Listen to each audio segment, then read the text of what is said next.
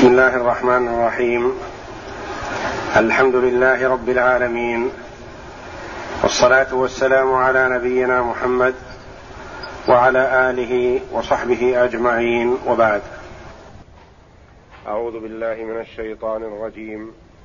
ما كان لأهل المدينة ومن حولهم من الأعراب أن يتخلفوا عن رسول الله ولا يرغبوا بأنفسهم عن نفسه ذلك بأنهم ذلك بأنهم لا يصيبهم ظمأ ولا نصب ولا مخمصة ولا مخمصة في سبيل الله ولا يطؤون موطئا يغيظ الكفار ولا ينالون من عدو نيلا إلا كتب لهم به عمل صالح. إن الله لا يضيع أجر المحسنين ولا ينفقون نفقة صغيرة ولا كبيرة ولا يقطعون واديا ولا يقطعون واديا إلا كتب لهم. ليجزيهم الله أحسن ما كانوا يعملون. ما كان لأهل المدينة ومن حولهم من أن يتخلفوا عن رسول الله ولا يرغبوا بأنفسهم عن نفسه. ذلك بأنهم لا يصيبهم ظمأ ولا نصب ولا مخمصة في سبيل الله ولا يطؤون موطئا يغيظ الكفار ولا ينالون من عدو نيلا إلا كتب لهم. إلا كتب لهم به عمل صالح إن الله لا يضيع أجر المحسنين. في هذه الآية وما بعدها فيها عتاب من الله جل وعلا. وقد جاء بلفظ الخبر والمقصود به التوبيخ واللوم. ما كان ينبغي وما يليق بأهل المدينة سكان المدينة عموما من المهاجرين والأنصار. ولا من حولهم من الأعراب ممن هم خارج المدينة وقريبون منها. أن يتخلفوا عن رسول الله. فإذا خرج الرسول صلى الله عليه وسلم للجهاد في سبيل الله فلا يليق بهؤلاء أن يتخلفوا عنه.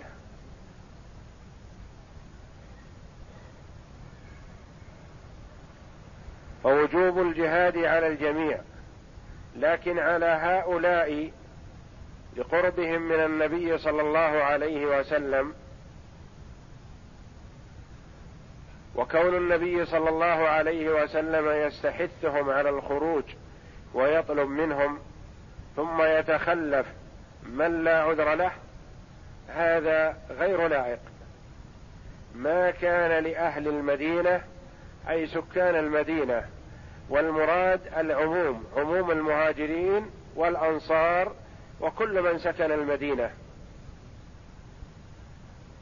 ومن حولهم من الأعراب يعني من قرب من المدينة من الأعراب سكان البوادي كما تقدم لنا.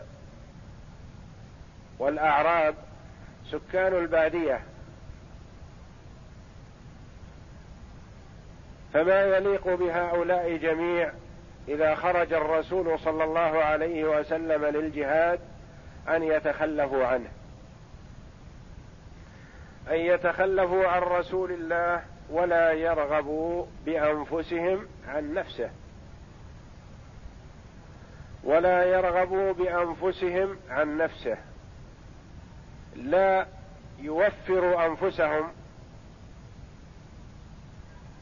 عن أن تتحمل ما تحمله النبي صلى الله عليه وسلم.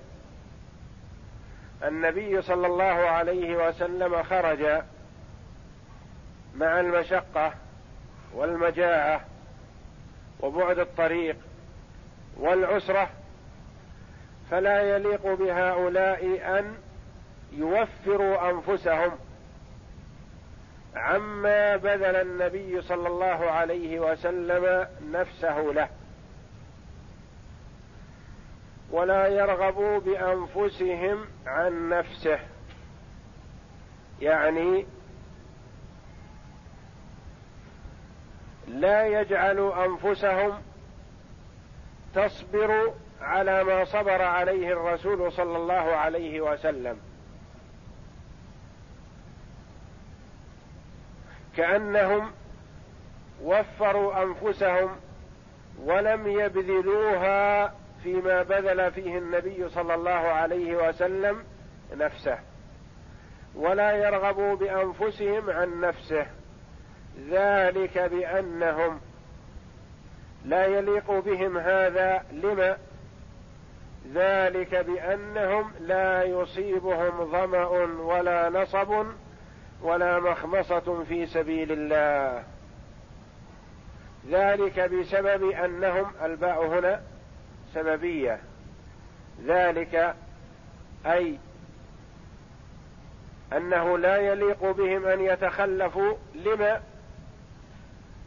بسبب أنهم لا يصيبهم ظمأ ولا نصب ولا مخمصة في سبيل الله.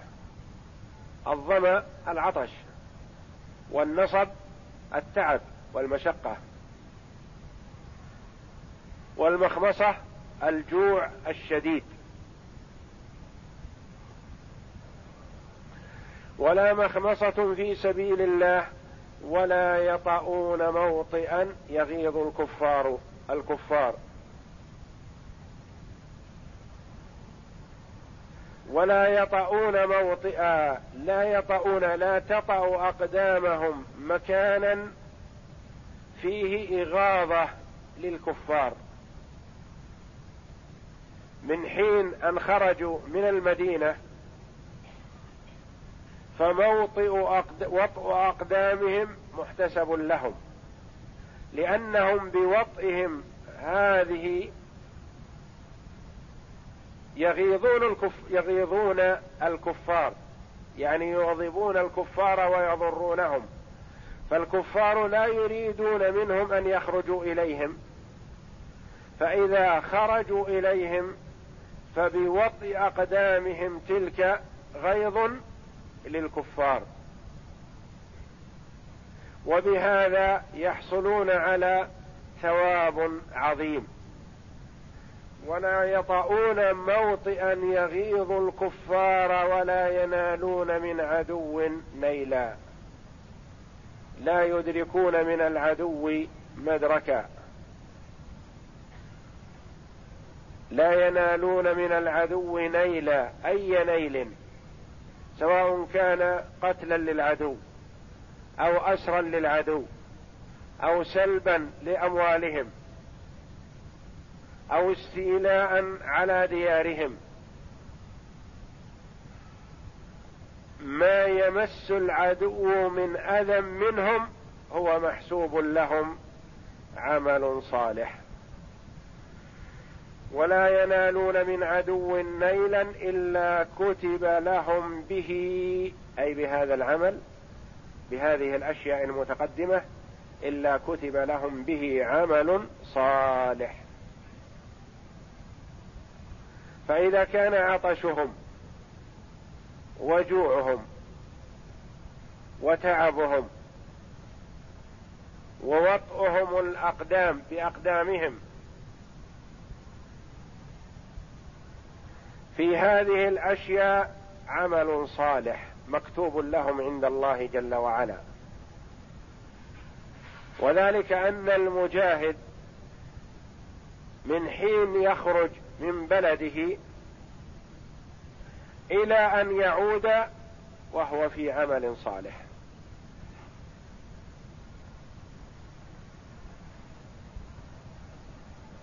جوعه وعطشه ونصبه ومشيه كله محسوب له.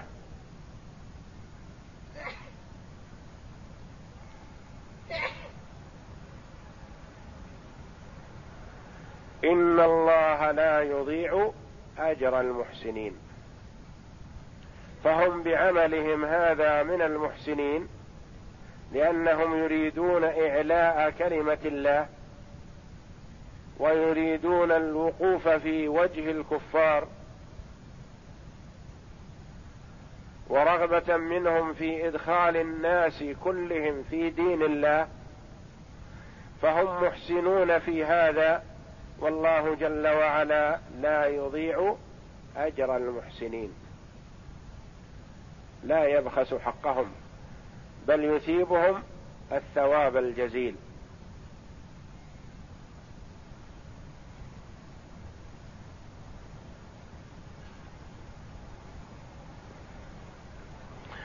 فإذا كانت هذه الأشياء التي تمسهم بدون اختيار منهم الجوع والعطش والتعب ووطئهم وطأ أقدامهم هذه محسوبة لهم فما يبذلونه طيبة في به نفوسهم فهو أولى بأن يحسب لهم كما بين ذلك في الآية التي تليها فقال: ولا ينفقون نفقة صغيرة ولا كبيرة. أي نفقة ينفقونها في سبيل الله؟ تمرة. كما قال بعض المفسرين فما فوقها. صغيرة ولا كبيرة ولا يقطعون واديا. والوادي الأصل هو الشق بين جبلين. المكان المنخفض بين جبلين. والمراد هنا والله أعلم لا يقطعون ارضا ايا كانت واديا منخفضا أو مرتفعا سهلا أو جبلا. ولا يقطعون واديا إلا كتب لهم. اذا فجميع أعمالهم وحركاتهم وتصرفاتهم الاختيارية وغير الاختيارية. لأن الجوع والعطش لا يريدونه ولكنه قد يصيبهم في سفرهم فيحتسب لهم وإن لم يكونوا أرادوه.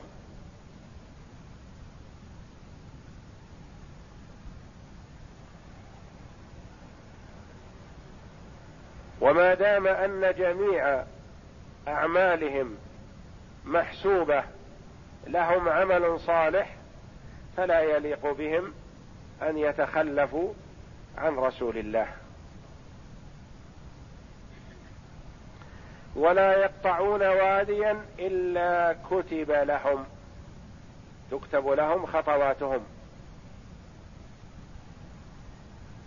ليجزيهم الله أحسن ما كانوا يعملون.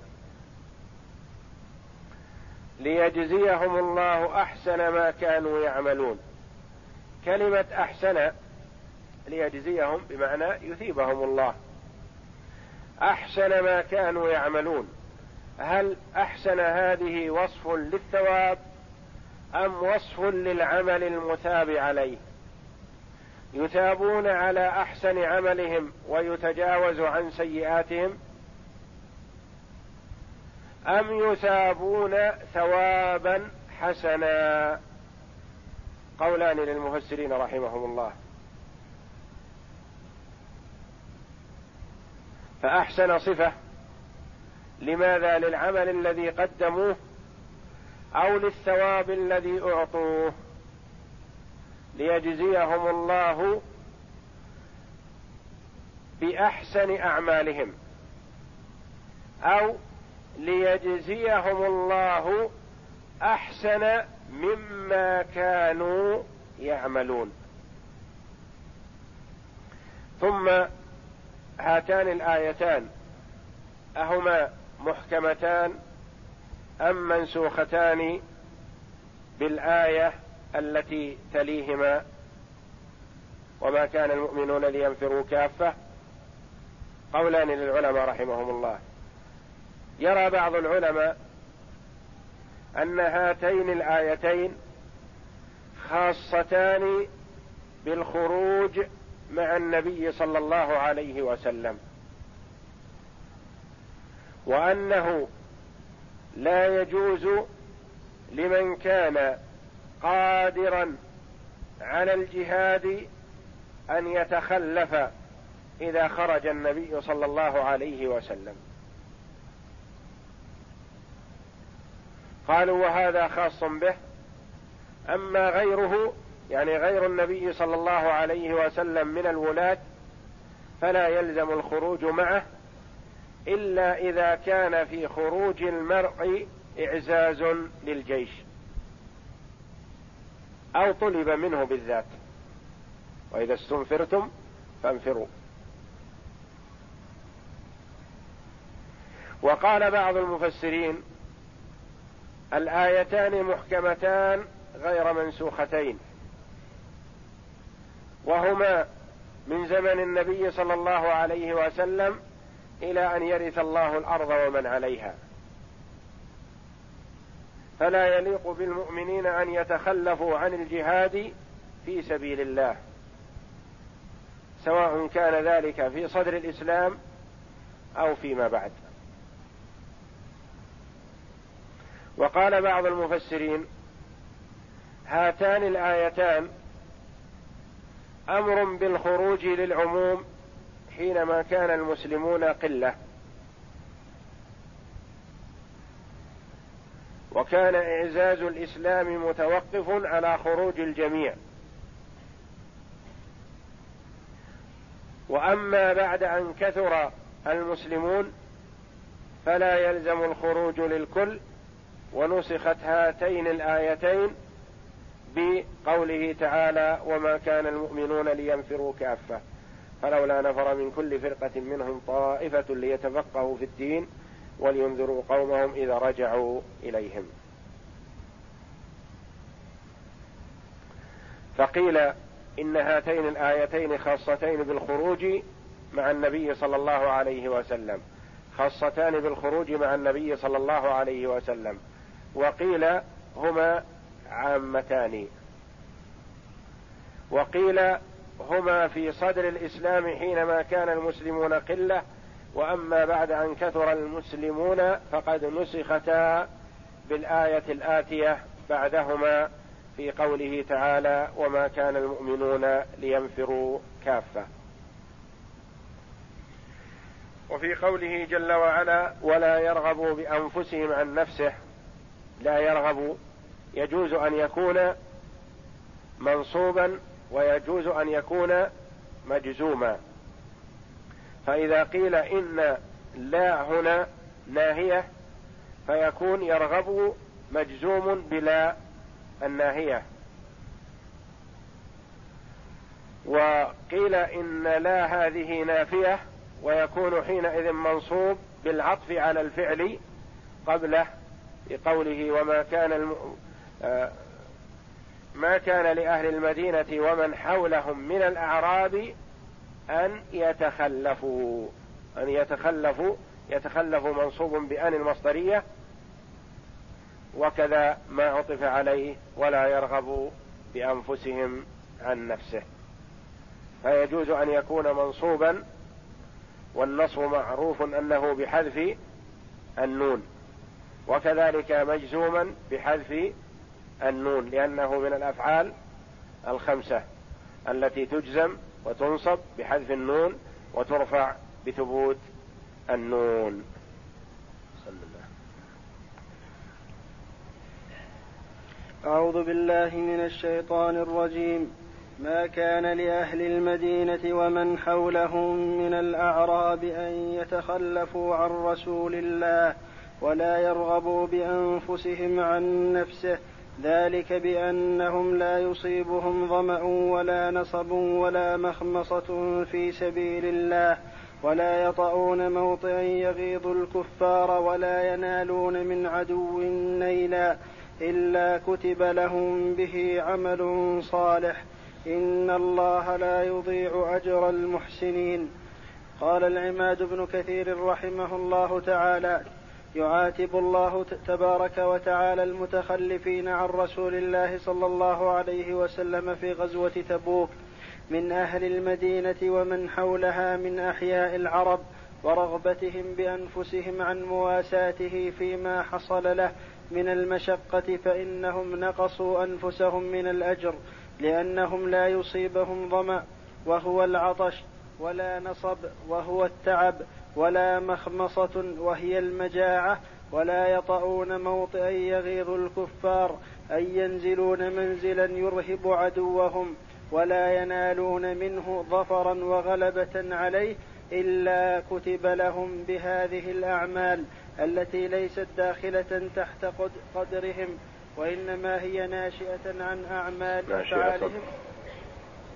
وإنما هي ناشئة. وإنما هي ناشئة عن أفعالهم أعمالا صالحة وثوابا جزيلا. إن ال...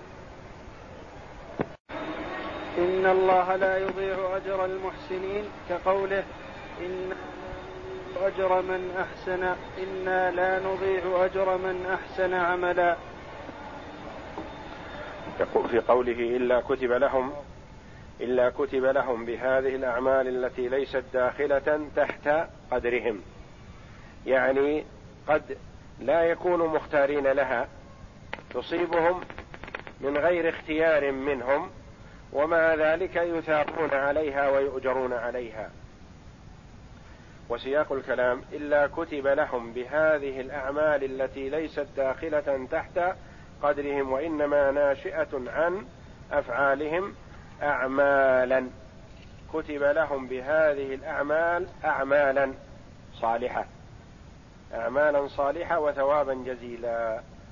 فكتب لهم بهذه الأعمال ثم بين هذه الأعمال فقال اعمالا صالحة وثوابا جزيلا. نعم.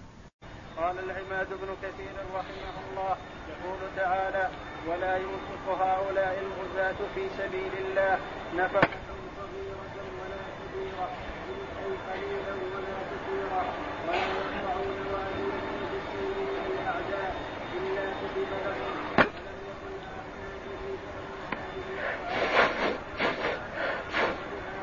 يعني هنا هذه الأفعال هذه تكتب لهم. لا يكتب لهم بها وإنما هي تكتب لهم لأنها أفعال اختيارية أفعال صادرة عنهم ولا ينفقون نفقة صغيرة ولا كبيرة ولا يقطعون واديا إلا كتب لهم. مشيهم باختيارهم وإنفاقهم باختيارهم. فهذه تكتب لهم هي بنفسها وتلك قال الله كتب لهم بها عمل صالح. عثمان رضي الله عنه الذي جهز جيش العسرة بحر ماله رضي الله عنه منفقا ذلك في سبيل الله وابتغاء مرضاته رضي الله عنه وأرضاه. وقد قال عنه النبي صلى الله عليه وسلم ما ضر عثمان ما فعل بعد اليوم. يعني هذه الأعمال التي قدمها لله ولرسوله لا يضره بعدها عمل.